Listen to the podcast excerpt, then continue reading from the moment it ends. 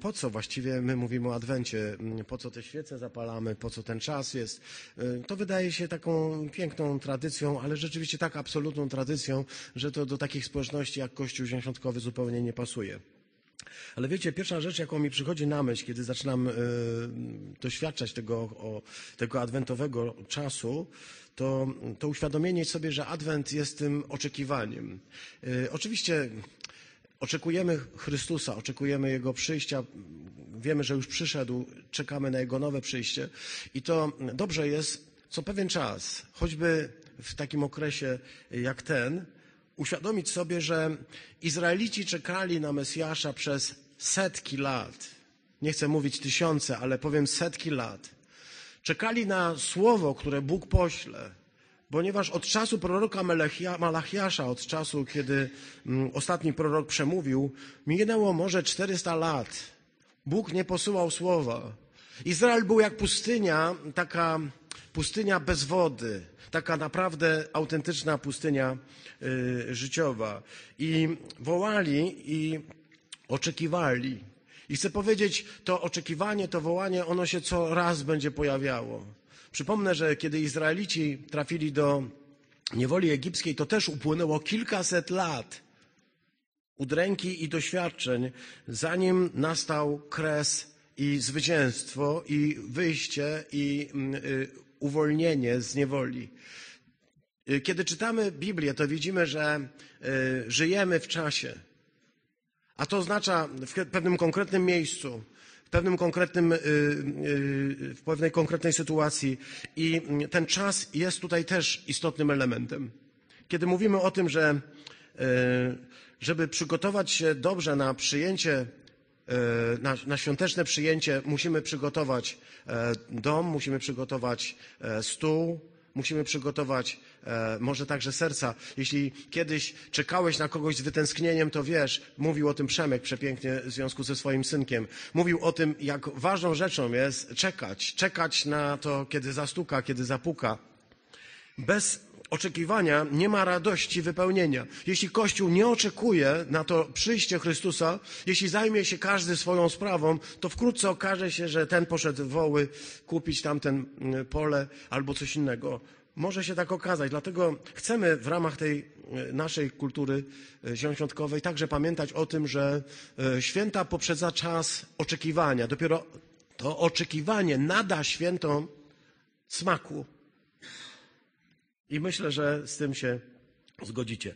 Myślałem w tym roku zrobić taki cykl rozmyślań e, adwentowych e, pod tytułem Boże Narodzenie z męskiego punktu widzenia. Ale muszę powiedzieć, że w czwartą niedzielę Adwentu trudno rozpoczynać cykl adwentowy, więc jak Bóg pozwoli, to może spróbujmy się temu przyjrzeć za rok. Z dużą wiarą mówię.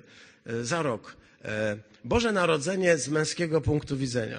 Postaram się pamiętać o tym, że się zobowiązałem do tego męskiego punktu widzenia nawiązać. Ale dzisiaj, mimo wszystko, chciałbym zwrócić Waszą uwagę na jednego mężczyznę, który się pojawia. On, on, ja go bardzo lubię. On, on jest po prostu przedmiotem wielokrotnie moich e, rozmyślań, mo, mojego zastanowienia. Jest to e, Zachariasz. E, Zanim się wszystko zaczęło, taki jest temat naszego dzisiejszego rozmyślania nad Słowem. A czytaliśmy to y, w ubiegłą niedzielę. Nazywa się to y, Kantyk Zachariasza albo po prostu Benedictus. Zachariasz czytamy w Ewangelii Łukasza w rozdziale y, pierwszym od 67 do 79 wiersza. Zachariasz, ojciec Jana, zwanego później chrzcicielem, został napełniony przez Ducha Świętego i tak powiedział. E, Będziemy czytać za e, przekładem dosłownym, który e, pozwoliłem sobie dzisiaj uczynić jakby głównym tłu- tłumaczeniem. Niech będzie błogosławiony Pan, Bóg Izraela, że nawiedził swój lud i dokonał jego odkupienia. I wzniósł róg zbawienia w domu swojego sługi Dawida, tak jak zapowiadał przed wiekami przez usta swoich świętych proroków. zbawienie od naszych wrogów i z ręki wszystkich, którzy nas nienawidzą, dla okazania miłosierdzia naszym ojcom i z uwagi na swoje święte przymierze. Przysięgę, którą złożył naszemu ojcu Abrahamowi, że da nam ocalonym z ręki naszych wrogów bez lęku służyć mu z poświęceniem i w sprawiedliwości przed nim po wszystkie dni nasze. A ty, dziecko, będziesz nazwane prorokiem Najwyższego, gdyż pójdziesz przed Panem, aby przygotować Jego drogi, dać Jego ludowi poznanie zbawienia w odpuszczeniu ich grzechów, przez litość, miłosierdzia naszego Boga, którym nawiedzi nas jutrzenka z wysokości, by ukazać się tym, którzy siedzą w ciemności i w cieniu śmierci i skierować nasze drogi, nasze nogi na drogi pokoju. Amen. Dziękujemy Tobie, nasz Boże i nasz kochany Ojcze, za to, że właśnie to dzisiaj chcesz do nas dzisiaj mówić. Prosimy Ciebie, Panie, abyś nam okazał dzisiaj życzliwość i pozwolił, by to słowo przemówiło do naszych serc, abyśmy nie byli tylko słuchaczami, ale tymi, którzy to słowo z radością przyjmują i jednocześnie głęboko je osadzają we własnym życiu. Prosimy Cię o to w imię Chrystusa Jezusa. Amen. E, to fantastyczny e, tekst. Cały ten tekst, e, który tutaj dotyczy Zachariasza, jest fenomenalny. Oczywiście pokuszenie było, no przyznam tak, było pokuszenie, było, było, żeby opowiadać o Zachariaszu w tym sensie, jak świątynia, gdzie w świątyni, co, gdzie anioł, jak stał i tak dalej. Było pokuszenie, była chęć zrobienia slajdów w tej okazji, ale wiecie, że się oparłem? Naprawdę. Pomyślałem sobie, czasu mało, to tak? O co się oparłem? Pyta Przemek. Um, naprawdę. Wiesz, żeby do tego slajdu dojść, to trzeba by było naprawdę wprowadzić e, w kwestię e, tego, czym to kapłaństwo e, było i w jakim sensie Zachariasz miał możliwość służenia. Ja bym chciał natomiast, żebyśmy zwrócili uwagę na kilka wątków, może zaczynając od tego e, podstawowego, ponieważ ten, ten benediktus, ten kantyk, on nie pojawia się w próżni. To nie jest tak, że po prostu od przyszedł do kościoła i ładnie się pomodlił. On się tak ładnie pomodlił, a ktoś to potem zapisał. Nie, nie, nie. Coś się ważnego wydarzyło. On spotkał się ze słowem, które do niego przemówiło i to słowo było na tyle e, trwałe, i chcę zwrócić na to uwagę, że Zachariasz już dawno nie żył, kiedy Łukasz to wpisał do e, swojej Ewangelii. Od tego zaczął. Myślę, że on nie spotkał Zachariasza. A w takim razie skąd zna jego modlitwę i to błogosławieństwo? Okazało się wystarczająco silne, wystarczająco mocne, żeby przetrwać w Kościele. Są bowiem takie modlitwy i takie dziękczynienia, które w nas pozostają na wieki. Są? Są takie modlitwy, takie spotkania, takie wydarzenia, które y, wspominamy i pamiętamy modlitwę i pamiętamy o co się modliłem. Ja mogę powiedzieć dzisiaj nawet, tutaj z ręką na sercu przy was, że ja pamiętam, gdzie się zacząłem modlić, w jakim momencie i jakimi słowami. Nie jestem kimś, kogo należałoby w tej kwestii powtarzać, ale Zachariasz okazał się wyjątkową postacią, ponieważ Bóg do niego dotarł w określonym momencie i to jest fenomenalne. Wszystko zaczęło się oczywiście od tego e, wydarzenia, e, że za dni Heroda pewien kapłan poszedł do świątyni. Od zwyczajna rzecz. Kapłan poszedł do świątyni. To normalne. Poszedł do świątyni i mm, tu jest krótka charakterystyka Zachariasza. Pozwólcie mi na taką uwagę pisze o Zachariaszu i jego żonie Elżbiecie Łukasz tak. Oboje byli sprawiedliwi przed Bogiem, nienaganni we wszystkich przykazaniach i przepisach pańskich. I nie mieli dziecka, ponieważ Elżbieta była niepłodna, a oboje byli już w podeszłym wieku. Zwrócę uwagę na to, że tam jest y, spójnik i. Byli sprawiedliwi we wszystkim, nienaganni we wszystkim, we wszystkich przepisach, przepraszam za pomyłkę, we wszystkich przepisach, we wszystkich przykazaniach. Byli we wszystkim nienaganni, byli we wszystkim sprawiedliwi i nie mieli dziecka. Nie jest powiedziane, ale nie mieli dziecka lub lecz nie mieli dziecka, bo to byłoby naturalne. Nie. I nie mieli dziecka. Jakby ta sprawiedliwość, którą oni mają, i ta nienaganność okazuje się jest bezdzietna. Mnie to zastanowiło, czy nie ma sprzeczności w tym, o czym teraz mówię. Bo jeśli ktoś jest sprawiedliwy i nienaganny, to czy nie powinno to za tym iść taka płodność, życie? Jest sprawiedliwy według wszystkich uczynków prawa, nienaganny według wszystkich przepisów. Kojarzy ci się to z czymś? Bo mi mm, przychodzi na myśl taki tekst e, pochodzący z, e, e, z może jeszcze nie, może z listu do Filipian. W liście do Filipian w trzecim rozdziale jest napisane o świętym Pawle tak, on mówi tak, jeśli ktoś inny mnie ma, że może mieć ufność, może ufność złożyć w ciele, to mówi, ja mogę tym bardziej.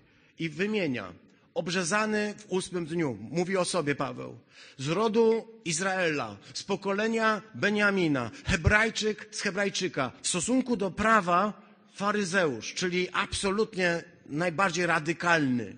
Co do gorliwości, był tak gorliwy, że Kościoła z całego serca nienawidził, ponieważ Kościół nie głosił tego, co, nie głosił tego, co faryzeizm.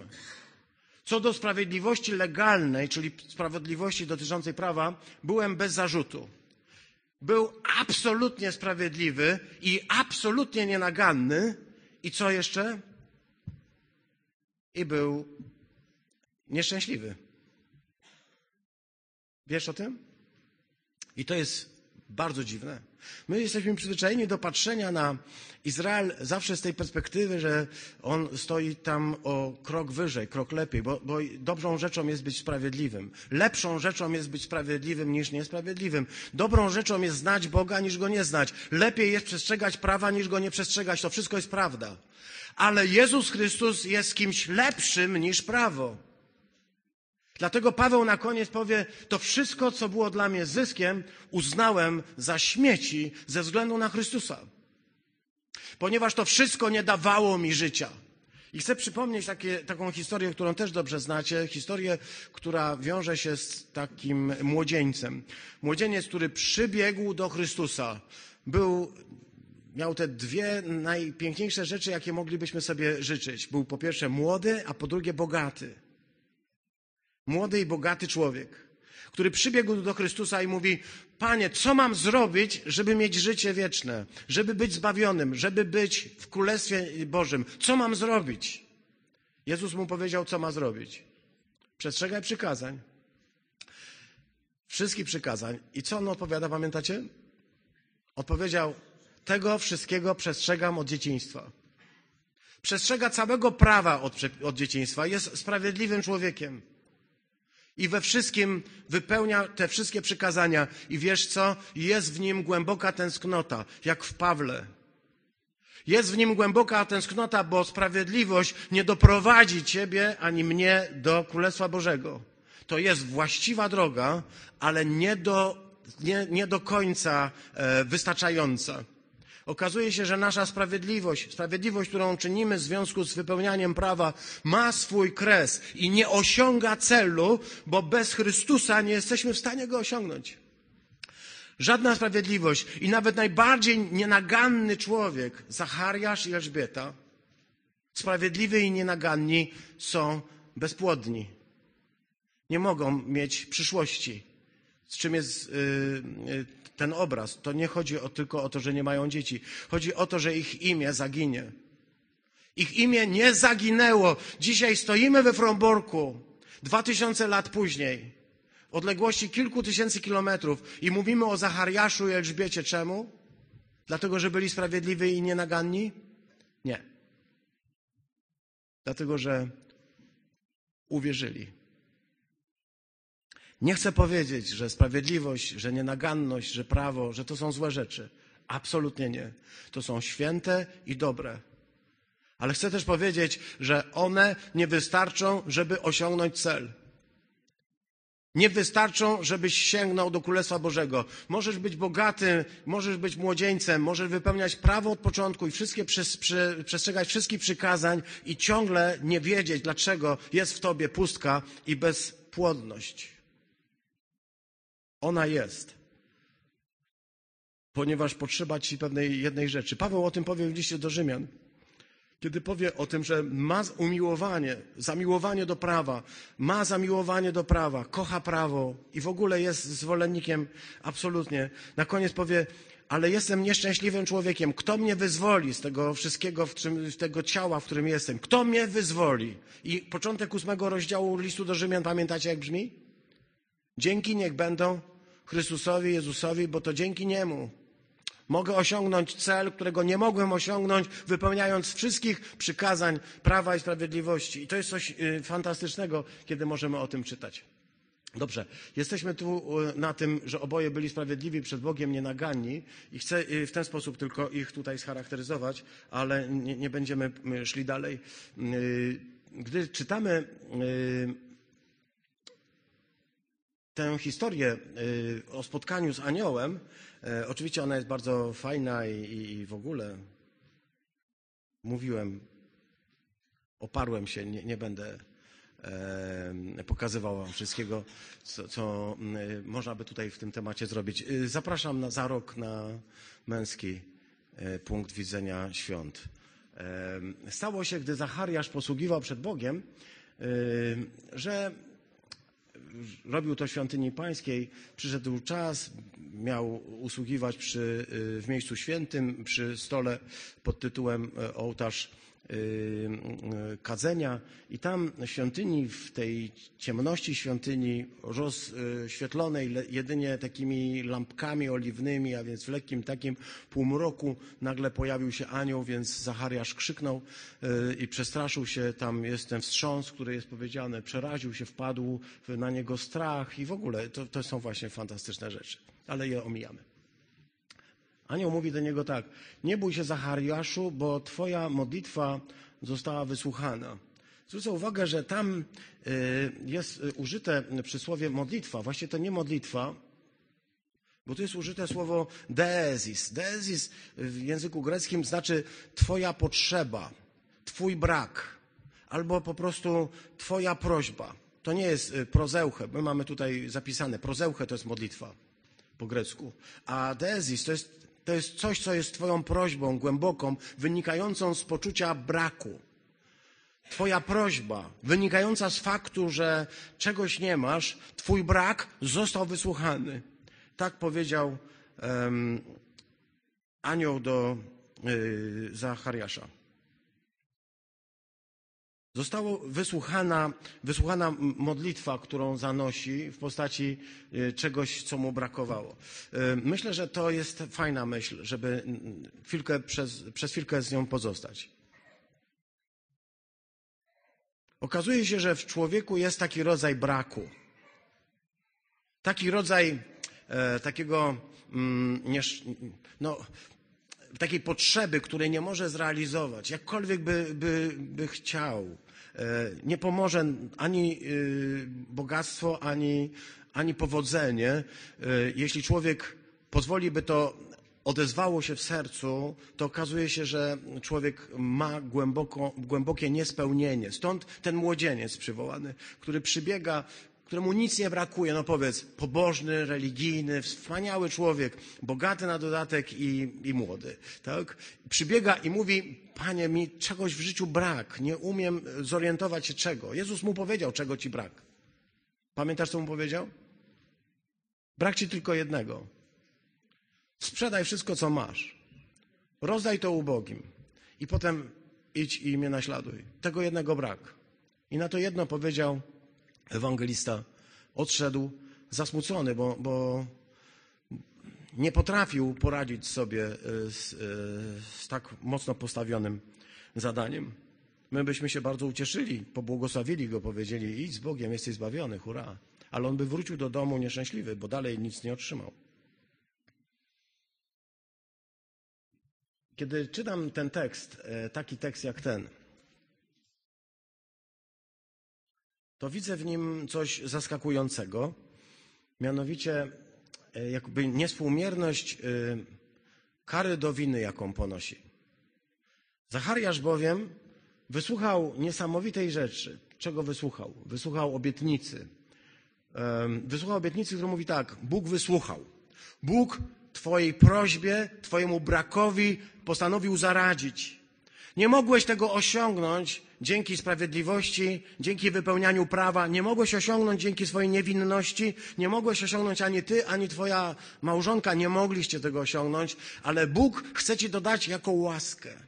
Coś, co jest nienaturalne, bo kiedy ludzie nie mogą mieć dziecka i próbowali i robili różne rzeczy, ale nie, nie mogli mieć, to nagle, gdy się to dziecko pojawi, to to jest znak wyjątkowej życzliwości. Bóg dał obietnicę, wypełnię to, czego ty nie byłeś w stanie zrobić. Nie byłeś w stanie przedłużyć swojego życia. Nie byłeś w stanie sięgnąć po, y, jakby, po dziedzictwo, ponieważ na tobie kończyła się e, twoja linia. Ale możesz sięgnąć dalej dzięki temu, że ja ci dzisiaj składam obietnicę. I to mówi Gabriel, który powie, to ja mówię, stojący przed Bogiem. Jego imię to Gabriel, czyli Bóg jest mocą, Bóg jest siłą.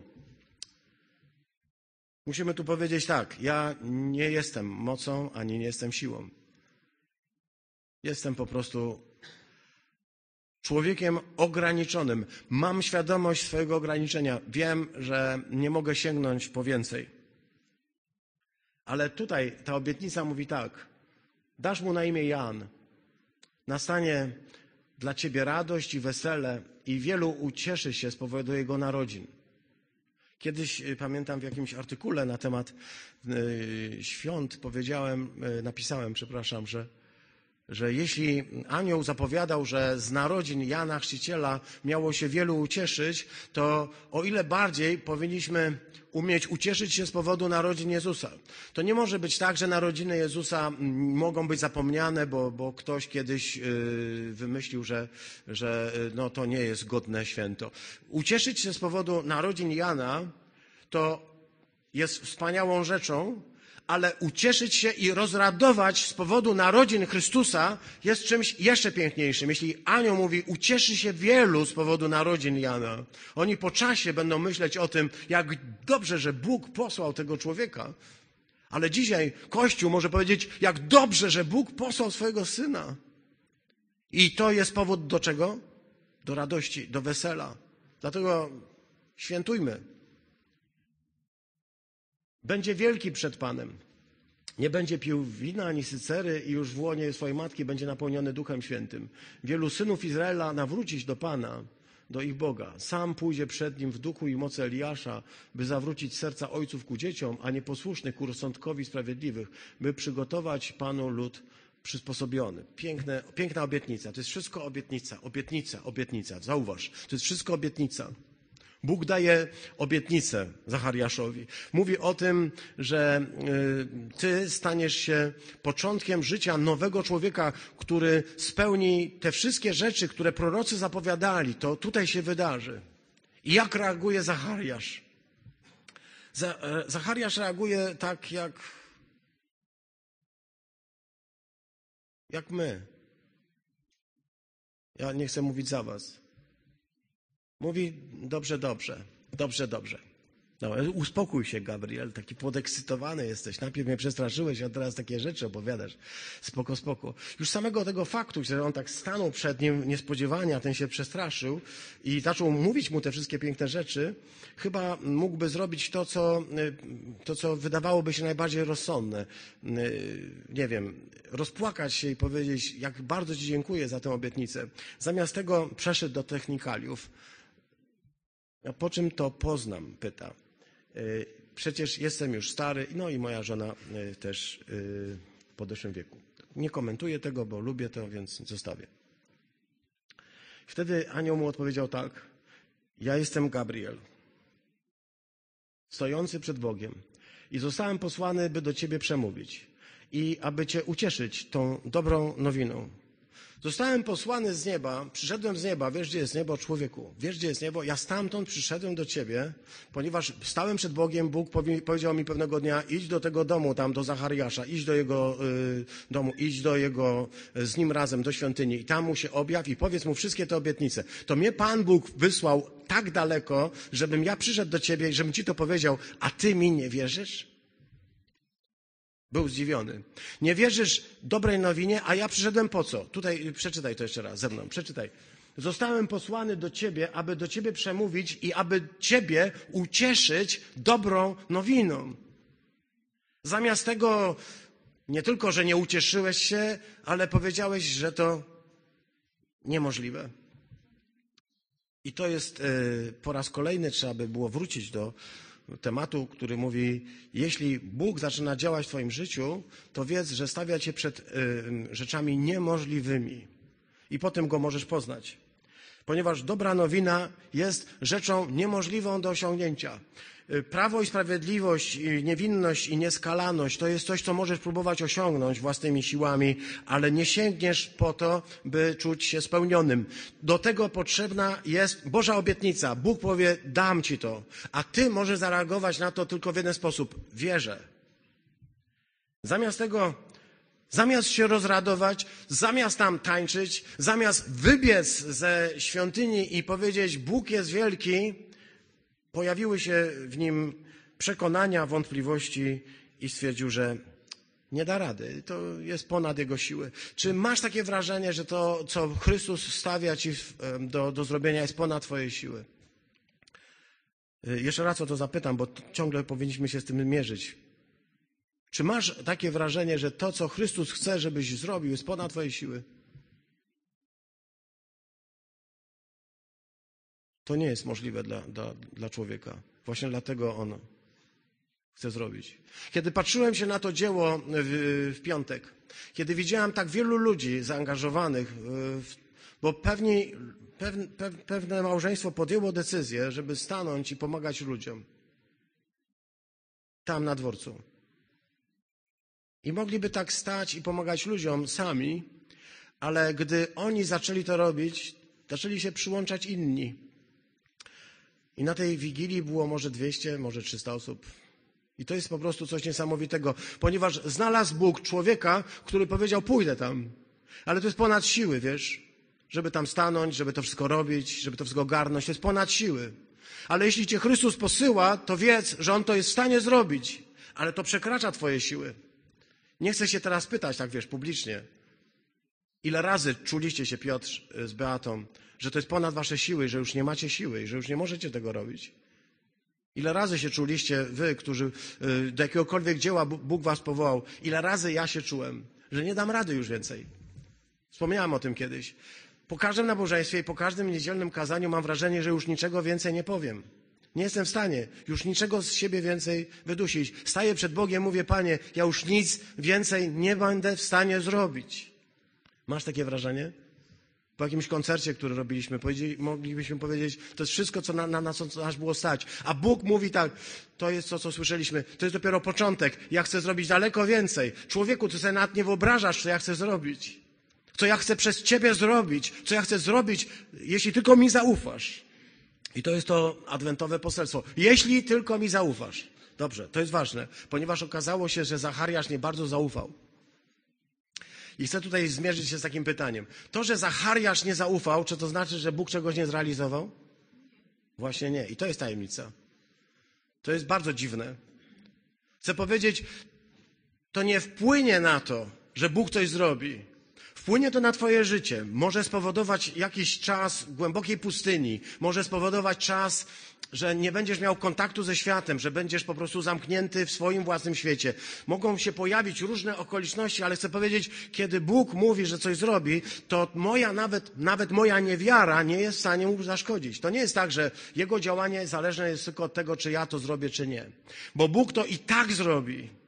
Kwestia jest tylko taka, jak ja będę się w tym wszystkim odnajdywał. Jak się Zachariasz odnajdywał? Powiedział mu anioł coś takiego. Będziesz człowieku niemy. Nie będziesz mówił, będziesz milczał. Będziesz milczał, nie będziesz mógł mówić przez całe dziewięć i pół miesiąca. Aż do czasu, kiedy to wszystko się stanie.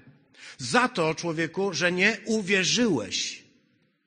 Nie uwierzyłeś, mówi anioł, moim słowom, bo to nie były moje słowa. Bo ja jestem anioł Gabriel, to jest ten, który stoi przed Bogiem. Ja ci przekazuję Boże Słowo. A jeśli w nie nie uwierzysz, będziesz milczał. Będziesz milczał do czasu, dopóki nie zobaczysz, że to wszystko się stanie. A potem powiesz, dokładnie tak się stało, jak, jak Bóg zapowiedział. Ilu z was, siostry bracia, miało takie właśnie doświadczenie? Takie właśnie doświadczenie, że dziękuję bardzo, dziękuję, dziękuję, dziękuję. Takie doświadczenie, że Bóg coś zaczął robić, ale ja mu nie za bardzo dowierzałem. Ale po czasie mogę powiedzieć tak, po czasie mogę powiedzieć tak. Rzeczywiście, ja wiedziałem, że tak będzie, bo, bo Bóg tak mi powiedział. Bóg bo powiedział coś takiego, ktoś mi ostatnio. Miałem takie słowo dotyczące pewnego człowieka, ale nie chciałem powiedzieć, bo, bo się wstydziłem, bo nie wiedziałem, jak to będzie. Ale teraz mogę powiedzieć, dokładnie to słowo się spełniło. Żałuję, że tego nie powiedziałem, bo gdybym to powiedział, to przed czasem ktoś by już wiedział, to przed czasem ktoś by się ucieszył, to by przed czasem ktoś już by zareagował. A tak to. Teraz mogę mu powiedzieć, wiesz, ja to wiedziałem, ja, ja ci mówiłem, ja to, ja to. Tylko czemu nie powiedziałeś? Czemu nie powiedziałem? A głupio było. Bo się wstydziłem. Bo nie wiedziałem, czy on mnie nie wyśmieje.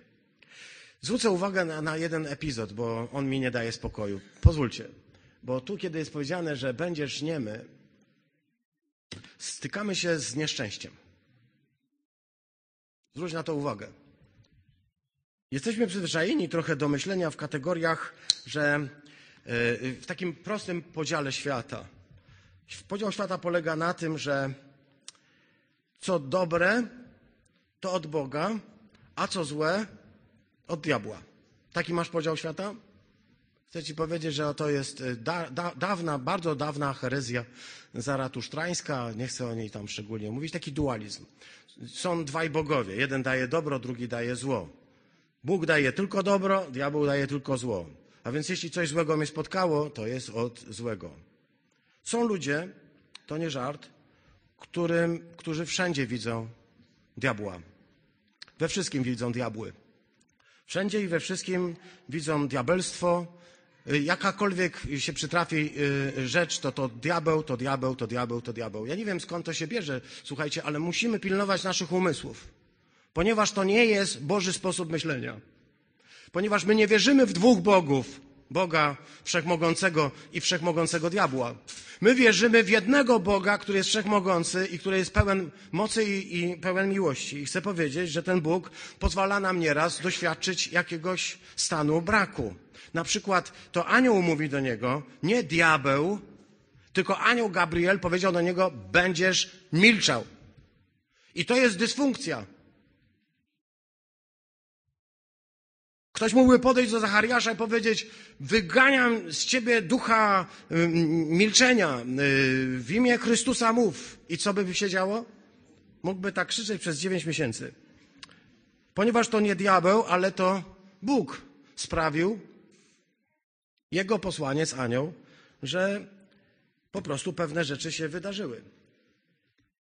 To nie jest tak, że kiedy cię spotyka jakiś negatywny wymiar, jakieś doświadczenie, jakaś rzeczywistość, która cię przerasta, to znaczy, że to diabeł się ciebie dotyka. Przygotowałem taki tekst, który także pozwolę sobie wyświetlić, bo on tutaj się już pojawił nam w pewnym momencie. To był właśnie ten tekst. E, z Księgi Powtórzonego Prawa. Mówi Bóg do Izraela tak. Pamiętaj, Izraelu, na wszystkie drogi, którymi cię prowadził Pan Bóg Twój przez te 40 lat na pustyni, po co cię prowadził? Aby ci błogosławić, aby cię nosić na rękach, aby mówić kocham cię, kocham cię, aby sobie o kamień nie uraził stopy. Po to? Nie. Aby cię utrapić, aby cię utrapić, aby cię wypróbować, aby poznać, co jest w twoim sercu. Czy strzeżesz jego nakazu, czy też nie. I mówi dalej. Utrapił cię. Dał ci odczuć głód. Żywił cię manną, której nie znałeś, ani ty, ani twoi przodkowie, bo chciał poznać, Ta manna nie musiało, nie musiało to być coś dobrego, nie? To nie musiało być coś dobrego. Bo chciał dać ci poznać, że nie samym tylko chlebem żyjesz, żyje człowiek, a człowiek żyje wszystkim, co pochodzi z ust Pana. Ale nie zniszczyło się na tobie twoje odzienie, ani twoja noga nie opuchła przez te 40 lat. Uznaj w sercu, że jak wychowuje człowiek swojego syna, tak Pan Bóg wychowuje swoje, swoje dzieci, tak Pan Bóg wychowuje ciebie. Bóg jest Bogiem, który pozwala, żeby dotykały cię różne trudne sytuacje. Na te trudne sytuacje ty nie musisz reagować wyłącznie w kategoriach mm, takich, jakby to powiedzieć, apage satanas. Idź precz szatanie.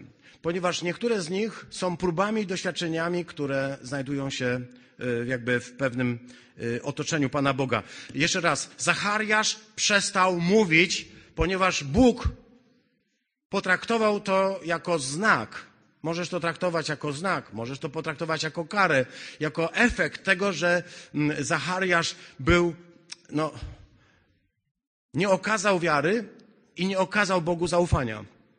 Nie zareagował właściwie na obietnicę, którą Bóg dał. Chcę więc powiedzieć właśnie tak. Zwróć na to uwagę. Nie dziel świata na biało-czarny. Przytrafiło się nieszczęście, komuś coś się złego stało, to diabeł. To diabeł, to diabeł, to diabeł, to diabeł, ponieważ my jesteśmy Kościołem Bożym. Ktoś mi ostatnio powiedział coś takiego, że zastanawia się, czy to nie diabeł w jego życiu miesza. Jesteś pod przykryciem krwi Chrystusa. Masz Ducha Bożego w sobie. Nie. Diabeł może atakować, może cię doświadczać, ale chce przywołać tego, którego no, z serca miłuje. Mojego brata umiłowanego Hioba, który powiedział dokładnie to. Wszyscy mu, musi, wszyscy mu próbowali powiedzieć, że to jego wina i że to jest grzech. Że to jest jego wina i to jest grzech. I żeby on się opamiętał, uklęknął, wyznał i umarł. A on uparcie mówił, że nie, że nie zrobił niczego złego i że nie jest powodem, dla którego to, co się przytrafiło, przytrafiło się jemu, przytrafiło się z powodu grzechu. Są bowiem próby i doświadczenia, które Bóg nam pozwala przechodzić. A jeśli my myślimy, że życie polega tylko na tym, że będziemy w każdym momencie jakby musieli przeżywać tylko same błogosławieństwo, to chcę powiedzieć, to nie czytasz całej Biblii to czytasz tylko wyrywkowo, to, co, co ci się podoba, to, co serce łechce, to, co człowiek bardzo by chciał, żeby być tylko szczęśliwy i szczęśliwy i pięknie i cudnie. Ja chcę ci powiedzieć, to nie jest Ewangelia Jezusa Chrystusa, bo Jego Ewangelia jest Ewangelią zarówno triumfu, jak i poprzedzającego ten triumf krzyża. To słowo nie straciło nic na swojej mocy. Utrapiłem ciebie, różnymi doświadczeniami, aby sprawdzić, co jest w Twoim sercu. I Bóg to robi, bo ma do tego prawo. Chce sprawdzić. Więc jeśli pozwala mi doświadczyć czegoś takiego, to muszę mieć świadomość, że potrzebuję pewnego rozróżniania duchów. Żeby wiedzieć, co jest od Boga, co nie jest od Boga, bo to nie jest taki prosty świat i nie jest taki prosty podział, białe, czarne. Nieszczęście, doświadczenie. Zachariasz stał się niemową. Ale nie tylko on. Moglibyśmy oczywiście zwrócić uwagę także i na e, takich ludzi, przepraszam, może gdzieś tutaj znajdziemy. E, pamiętasz, w księdze e rodzaju jest powiedziane tak. Rzekła Saraj do Abrama, ponieważ Pan zamknął mi łono, dlatego zrób to i tamto. Ona doświadczyła, że nie powiedziała, diabeł mi zamknął łono. Zobacz jeszcze dalej. Elkana to jest żona, An, e, mąż Anny e, w pierwszej księdze Samuela. E, czytamy tak. Elkana Annie dał część podwójną, gdyż Annę bardzo miłował, mimo że to Pan zamknął jej łono.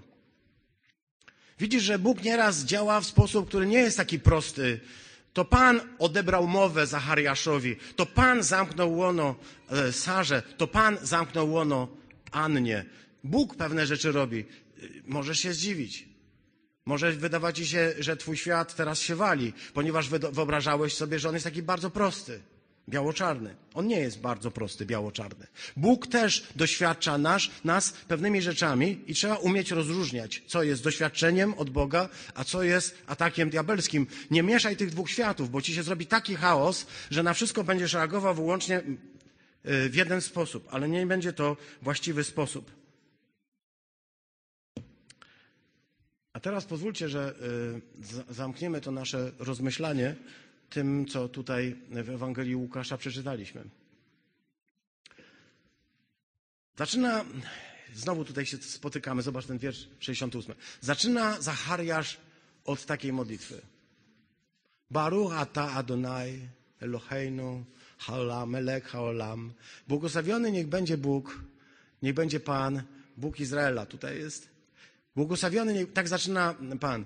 Przez dziewięć miesięcy chciał powiedzieć, że żałuje, że nie zareagował właściwie na to, gdy anioł mu posłał słowo że miał wątpliwości, że powiedział, że to niemożliwe, że jest za stary, że jego żona jest w podeszłym wieku, że to w ogóle jest niemożliwe. Ale Bóg wie, że jest jakiś brak.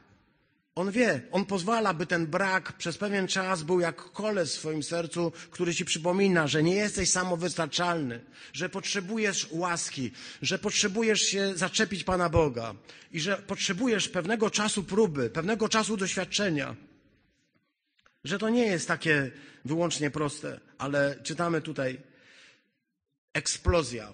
To jest hymn. Powiedziałem y, na początku, że to jest fenomenalne, że ten hymn znalazł się w Nowym Testamencie jako modlitwa człowieka, który wzniósł ją przy ludziach. W dziękowaniu Bogu za to, że on wypełnił to, co się mu objawiło w, y, świątyni, że to wszystko, co anioł powiedział, spełniło się najpierw w tej części, że to będzie syn. Ale on już poszedł dalej, ponieważ uwierzył, że ten syn będzie wyjątkowym człowiekiem, bo anioł tak powiedział. Już nie potrzebował. To taka eksplozja, to tak jakby gejzer wystrzelił. Jemu wreszcie usta się otworzyły i od czego zaczął? Barucha ta Adonai. Błogosławiony niech będzie Pan. Błogosławiony niech będzie Bóg. Za co? Błogosławiony niech będzie Pan Bóg Izraela, że On nawiedził swój lud. Nawiedził, znaczy spo, spojrzał na niego z góry.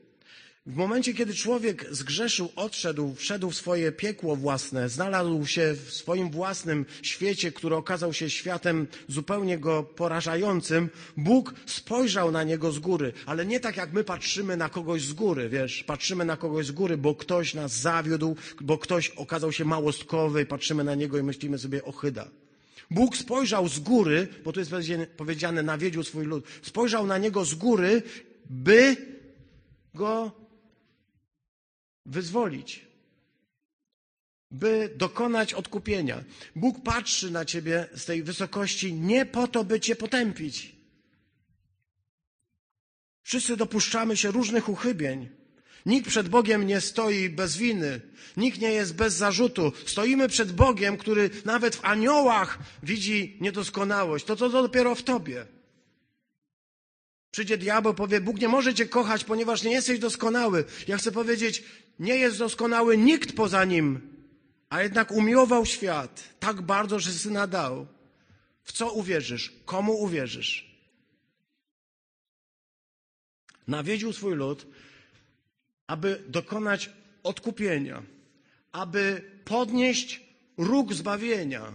To jest taki ładny ładne greckie wyrażenie, pewnie z hebrajskiego, podnieść róg zbawienia, znaczy okazać wielką moc, bo róg oznacza moc i siłę. Gabriel mówi, jest, yy, jego imię znaczy Bóg jest moją siłą. Bóg posyła swojego syna, który jest rogiem zbawienia, to znaczy potężny sam w sobie, potężnym Bogiem. Wzniósł róg zbawienia w domu swojego sługi Dawida, jak zapowiedział przed wiekami przez usta swoich świętych proroków. Zwrócę uwagę na ten 70 i 74. Yy, yy, czwarty.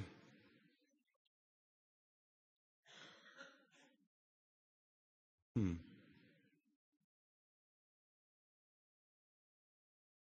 Siedemdziesiąty trzeci, przepraszam. Tu jest powiedziane, Zapowiedział przez usta w 70, zapowiedział przez, przed wiekami przez usta swoich świętych proroków i y, zrealizował przysięgę, którą złożył Abrahamowi, którą złożył, przysięgę, którą złożył Abrahamowi. Myślę sobie tak. Izrael oczekiwał wypełnienia się słowa, oczekiwał i oczekuje wciąż wypełnienia się tych wszystkich obietnic. Izrael oczekiwał już 1900 lat, bo tyle mniej więcej upłynęło od Abrahama do Zachariasza. 1900 lat, może 2000, może tyle, ile upłynęło od czasu, kiedy przyszedł Jezus do nas, do naszych czasów. 2000 lat. Bóg coś zapowiedział. Bóg zapowiedział, że pośle Mesjasza, że pośle swojego potężnego Zbawiciela, który nas wyprowadzi z niewoli. Znacznie głębszej niż niewola e, egipska czy niewola babilońska, znacznie poważniejszej, bo to z niewoli grzechu, z niewoli ciasnoty naszego myślenia. Bóg nas wyprowadzi z takich rzeczy, zapowiadał to ustami proroków. Zapowiadał to, przysiągł to Abrahamowi. Przysiągł Abrahamowi. To nie jest tylko obietnica, to jest przysięga. W obietnicy jest tak, umawiamy się. Ja tobie obiecuję, ty mi obiecujesz. Będziemy mm, partnerami. Ale to jest przysięga. Ja ci obiecuję, Abraham, że będę ci błogosławił. Tu nie ma nawet czegoś takiego pod warunkiem, że ty będziesz to czy tamto. Ja ci obiecuję, że ja to wypełnię, co ci teraz składam jako deklarację. I zobacz, po 1900 latach, po dwóch tysiącach może tak będzie dla uproszczenia, Bóg realizuje to, co obiecał. Minęło zaledwie 2000 lat i Bóg to zrealizował. Wow. Panie, ja nie mam tyle czasu. Po dwóch tysiącach lat zrealizował to, co obiecał. Ja chcę to powiedzieć, ponieważ Abraham, ponieważ Zachariasz z człowieka, który był. A, no, nie bardzo wiem, czy to się może udać, tak? E, a jak to się stanie? Ja jestem stary, żona podejrzewa. Z człowieka, który wątpił, który cały był utkany z wątpienia, a jednocześnie z człowieka, który miał głęboki w sobie brak i poczucie niespełnienia, staje się człowiekiem głębokiej wiary. Staje się to w momencie, kiedy Ewangelia, dobra nowina wreszcie do niego dociera. Ponieważ Ewangelia, dobra nowina, to nie jest tylko słowo, które ja mogę powiedzieć, wiesz, Jezus przyszedł cię zbawić, ale to jest Boża moc, która może zmienić i zmienia trwale życie człowieka. Kiedy czytam o tym, że Bóg złożył obietnicę i przysiągł, a potem widzę, że mijają lata i nic się nie dzieje. Czy nie rodzi się w moim sercu zwątpienie? Czy nie rodzić się może w Twoim sercu zwątpienie? Bóg obiecał i co? Bóg obiecał, że da i co? Bóg obiecał, że spełni i co? I nic się nie dzieje. Bóg obiecał, że będzie Was wysłuchiwał i co? Ludzie chorują, modlicie się, Niektórzy są uzdrowieni, niektórzy nie.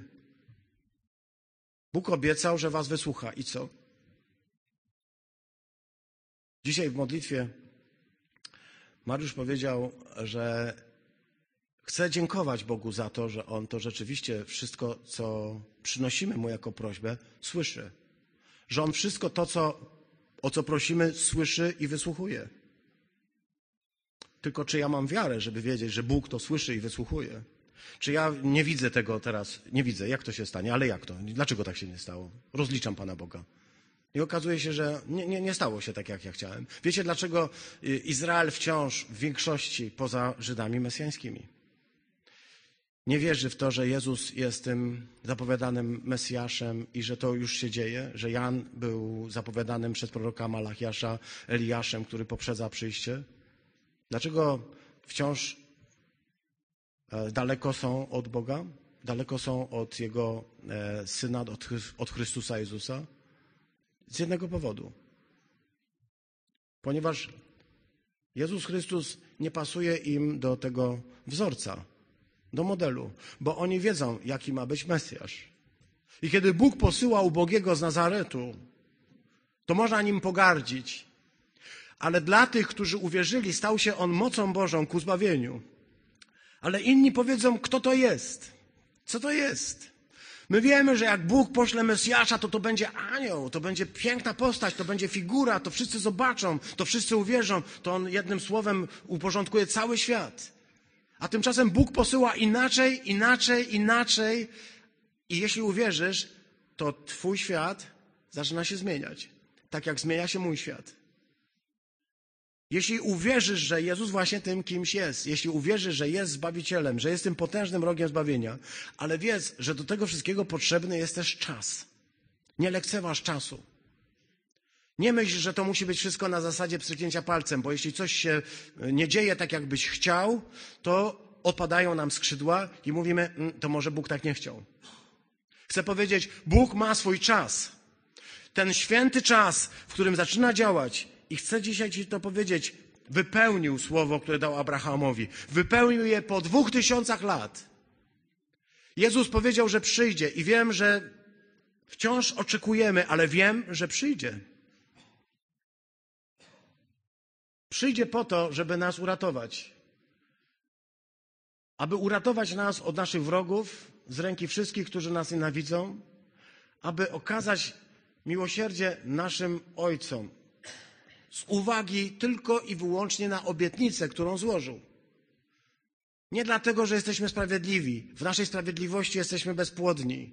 Bez Chrystusa możemy cokolwiek budować i być naprawdę wyglądać jak święci i religijni, pobożni ludzie, ale bez Niego jesteśmy po prostu bezpłodni. Abyśmy mogli zobaczyć to, co tutaj zapowiedział, że realizuje przysięgę, którą złożył naszemu ojcu Abrahamowi, że ta przysięga brzmi tak, że da nam ocalałym z ręki naszych wrogów bez lęku służyć mu z poświęceniem i sprawiedliwości. Zobacz, jaki to jest ładunek y, treści. Możemy to tak, wiesz, jedna z modlitw, ładna modlitwa. Popatrz się na nią przez chwilkę.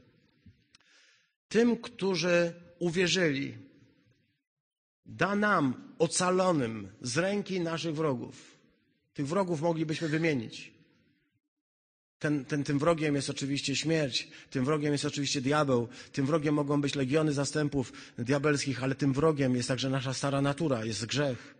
To są rzeczy, z których Chrystus przyszedł nas wyzwolić. My sobie wyobrażamy nieraz, że to wyzwolenie będzie polegało właśnie na takim przebudowaniu świata, jak to nieraz widzimy w, w marzeniach, ale tak naprawdę to wyzwolenie zaczyna się tutaj i teraz. Ono zaczyna się od mojego i Twojego serca. Tu zaczyna się ta wielka, y, wielkie dzieło Bożego ocalenia. I to, żeby bez lęku Jemu służyć. W bojaźni Bożej bez lęku. Czy to można pogodzić? Można. W bojaźni Bożej, z głębokim szacunkiem przed Bogiem, ale nie ze strachu przed Bogiem. I z poświęceniem. To chcę dzisiaj podkreślić, ponieważ bez tego poświęcenia, tu nie chodzi o uświęcenie, teraz chcę mówić o poświęceniu.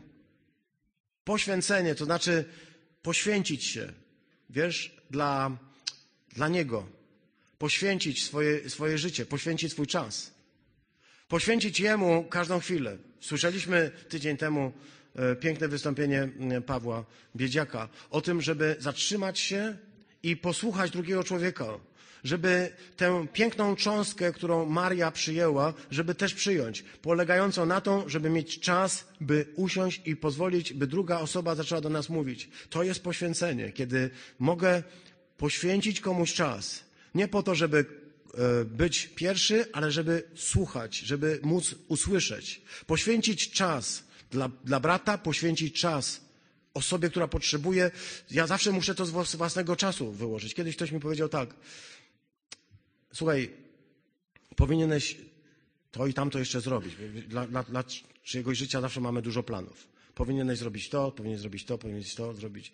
Ja mówię, słuchaj, um, ty świetnie znasz angielski to może byś przetłumaczył kilka książek. Jest bardzo dużo, mogę ci pokazać.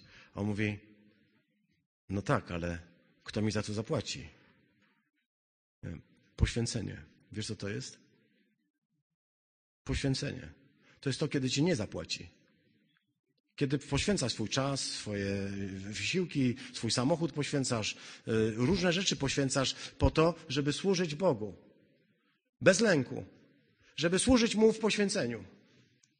Bez poświęcenia, wiesz, e, będziemy tylko firmą, która będzie e, wydawać posiłki, będziemy się zajmować różnymi rzeczami. Jeśli nie poświęcimy czasu, to możemy być jedną z różnych wolontariackich instytucji, ale my jesteśmy kościołem, który, który poświęca swój czas, w którym każdy z nas wkłada tę cząstkę siebie, dzięki której możemy w sprawiedliwości przed Nim służyć Mu. I mówi wreszcie Zachariasz w tym wybuchu tej eksplozji wiary, w tej eksplozji zaufania do Boga, kiedy widział, co się działo, powie jeszcze i to. A ty, dziecię, będziesz naprawdę nazwany prorokiem Najwyższego. On w to uwierzył, zobacz. Potrzebował na to dziewięciu miesięcy milczenia. Potrzebował na to ciszy. Potrzebował walczyć ze sobą, ale potrzebował zobaczyć, że ten brak, który w nim jest, ta głęboka prośba, ta, ten niedostatek, który nim siedzi, że ten niedostatek, który w nim jest, może zrealizować Bóg. Ale kiedy Bóg zaczął to realizować, to mamy tutaj absolutny gejzer, absolutną euforię. Ponieważ wiara rodzi się ze słuchania, ale potem wiara rodzi się dalej z wiary. Jeśli dasz krok, będziesz mógł postawić następny i następny i następny. Dlatego Zachariasz nie tylko błogosławi Boga za to wszystko, co robił, za to wszystko, co obiecał, co obiecał dać Abrahamowi, za to, że on to wszystko widzi, ale on jeszcze coś innego zrobił. On podziękował Bogu za to, co jeszcze, czego nie widzi i czego może nie zobaczy jako stary człowiek, który ma młodziutkiego y, y, chłopczyka, niemowlę zaledwie. Ten chłopiec dopiero w okolicach trzydziestki, ile będzie miał wtedy Zachariasz, czy będzie żył, on może tego nie dożył. Nie chcę tutaj spekulować. Możliwe, że tego nie dożył, ale już dzisiaj za to dziękował. To jest postawa. Dziękuję Ci, Panie, za to, że to sprawisz, że to dziecko będzie nazwane synem, że będzie nazwane prorokiem Najwyższego, bo pójdzie przed Tobą, przed samym Tobą. To jest zapowiedź, to jest wiara w Jezusa jako Pana, zobacz. On wyznawał w tym Jezusa Pana. Powiedział, przed Panem pójdzie, aby utorować przed Nim drogę. Będzie spychaczem. Czy zgodzisz się na taką funkcję być spychaczem? Taką, żeby wiesz, lodołamaczem? Dać Jego ludowi poznanie. Dać poznanie zbawienia przez czy w odpuszczenie grzechów. Fantastyczna rzecz, ponieważ Bóg pokazuje, że zbawienie będzie polegało nie na tym, że On ci postawi jeszcze wyższe wymagania, jeszcze wyższe i powie ci jeszcze bardziej, jeszcze bardziej, ale powie: Odpuszczam ci Twoje winy, odpuszczam ci grzechy. To jest dobra nowina. Usłysz ją dzisiaj. Dobra nowina to nie są kolejne wymagania. Musisz chodzić do kościoła, musisz się starać być jeszcze sprawiedliwszy, jeszcze lepszy. Dobra nowina polega na tym, że możesz znaleźć w nim odpocznienie szabat, odpuszczenie grzechów, uwolnienie z wszystkich win, z poczucia winy, z poczucia krzywdy, z poczucia niesprawiedliwości. Z tego wszystkiego możesz dzisiaj doświadczyć jako wyjątkowego wydarzenia. A źródłem, wiersz 78 mówi, jest litość miłosierdzia Bożego. Tu jest użyte słowo wnętrzności Bożych. Słowo wnętrzność pasuje do mnie, do Was, do nas, ale nie do Pana Boga. Pan Bóg nie ma wnętrzności. Ale tutaj chodzi o te najgłębsze głębie Boga, które okazują się miłosierną miłosier miłosierdziem, miłosierną miłością, taką pełną litości, ale nie taką, gdy się nad kimś lituje z e, obrzydzeniem, ale nad litością, która polega na tym, że z litości podnoszę go, umyję go i postawię obok siebie jako moje umiłowane stworzenie. Taka jest Jego głębia miłości. I ta litość, miłosierdzia, tego najgłębszego wewnętrznego życia Bożego, bo to wewnętrzne życie Boże, wyrażone tu jako właśnie to e, wnętrze, przez głębokie współczucie, tak, miłosierdzia, to jest tak tłumaczone, w którym okaże się, że nawiedzi swój lud z wysokości, ta jutrzenka, Chrystus Jezus. I kończy to błogosławieństwo takimi słowami, by ta jutrzenka ukazała nam siedzącym w ciemności i w cieniu śmierci i aby skierowała nasze drogi, e, nasze nogi na drogę pokoju. By nas siedzących w ciemności, nas siedzących w mroku, nas będących ludźmi cienia, uczynić ludźmi światłości. To wszystko Zachariasz wyśpiewał, wytańczył, wyskakał, wypląsał, bo dopiero wtedy dotarła do niego Ewangelia. Nieraz to wymaga czasu, nieraz dziewięciu miesięcy, nieraz dłuższego czasu, ale niech Bóg będzie błogosławiony, jeśli wreszcie do tego dojdziesz. Że jest powód do tego, by się rozradować tymi obietnicami, które składa i dzisiaj ucieszyć ponad miarę. Wierzę, siostry, bracia, że w ten sposób, kiedy nauczymy się i zrozumiemy, że On to właśnie robi, będziemy mogli wszystko przyjąć, ale źródłem tego wszystkiego jest ten sam początek. Zachariasz został napełniony Duchem Świętym. To Duch Święty pozwala, żeby te prawdy powolutku zaczęły w nas osadzać, ale z tego niech się rodzi eksplozja radości, niech rodzi się uwielbienie. Bogu za to niech będą dzięki. Zapraszam Was do tej wiary. Zapraszam Was do tego, żebyście przyjęli z całego serca dobrą nowinę, która jest obietnicą nowego życia i cudu, który Bóg chce uczynić. Niech On będzie uwielbiony w nas. Amen.